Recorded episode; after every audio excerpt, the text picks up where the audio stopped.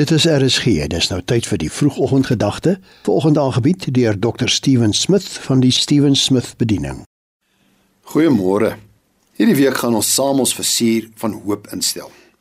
En kom ons kyk wat dit beteken om 'n gevangene van hoop te wees. In Sagaria 9 vers 12 sê hy: "Keer terug na die vesting, o hoopvolle gevangenes. Hoe kondig ek vandag aan dat ek jou dubbel sal vergoed?" En dan bevestig hy dit so mooi in Jeremia 29 vers 11 wat sê want ek ken die planne en gedagtes wat ek vir julle het sê die Here planne vir vrede en welsyn nie vir 'n ramp nie om julle 'n toekoms en 'n hoop te gee.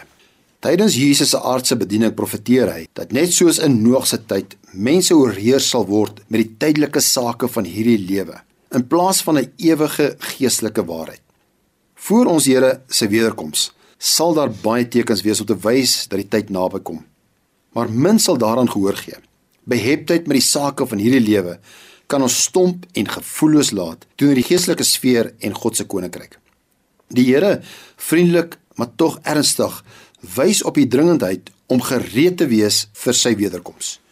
En op dieselfde manier as wat 'n dief kom wanneer mense die minste voorbereid is, so sal ons Here terugkeer in 'n tyd wanneer mense hom nie soek nie. Dis nie omdat die Here almal wil verras om te sien hoeveel hy onvoorbereid kan vang nie, glad nie. Hy spoor ons aan om waaksaam te wees sodat ons voorbereid sal wees. En Jesus het vir ons die tekens van die eindtye gegee om ons te help om voorbereid te wees. Hy profeteer eenvoudig dat daar in die laaste dae 'n toestand van apatie sal wees.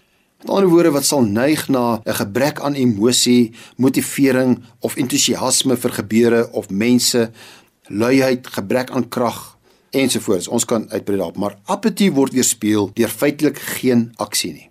Gelowiges sal nie iewers op 'n bergtop vergader en wag vir die Here se weerkoms nie. Hulle sal steeds in hulle daaglikse rotines gaan, maar die Here het vir ons gesê om te beset totdat hy kom. Ons moet gereed wees vir die Here om enige oomblik terug te kom. Hoop te hê, maar werk asof sy wederkoms nog ver is. Om te beset moet jy droom, jy moet bou, jy moet woeker.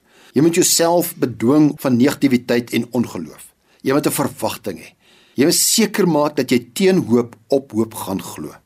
Dat jy nie in jou geloof verswak deur ongeloof aan die beloftes van God te twyfel nie.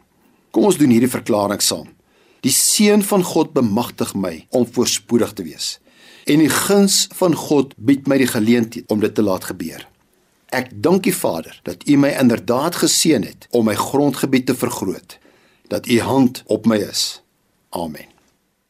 Dit was die vroegoggendgedagte hier op RSG, aangebied deur Dr. Steven Smith van die Steven Smith Bediening.